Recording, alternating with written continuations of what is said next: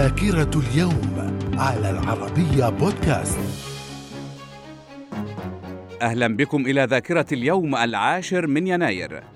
في عام 1863 بدء العمل في أول خط قطار أنفاق في العالم في لندن.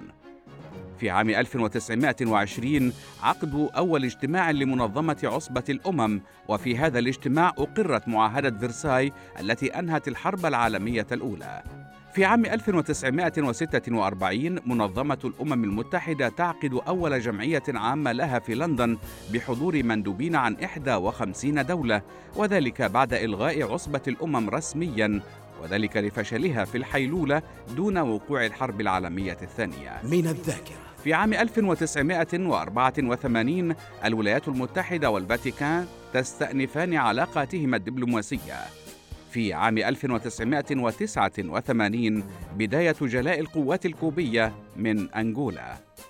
وفي عام 2000 أمريكا أونلاين تعلن عن نيتها شراء تايم وورنر نظير 162 مليار دولار وتعد تلك الصفقة أكبر صفقة تجارية في العالم. من الذاكرة. في عام 2001 بداية ويكيبيديا كجزء من مشروع نوبيديا لتصبح مستقلة بعد خمسة أيام.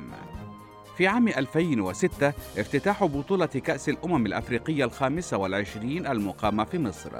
وفي عام 2017 وصول عدد الوفيات في القارة الأوروبية إلى أكثر من 20 شخصاً بسبب موجة البرد القارس التي ضربت القارة. من الذاكرة. ومن مواليد اليوم العاشر من يناير في عام 1815 جون ماكدونالد رئيس وزراء كندا. في عام 1947 عفيف شيا ممثل لبناني.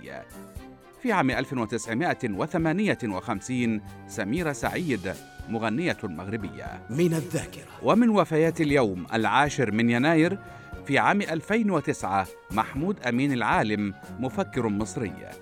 في عام 2016 ديفيد بوي مغني روك بريطاني. وفي مثل هذا اليوم من كل عام يحتفل بيوم الشرطة في اليابان. إلى اللقاء.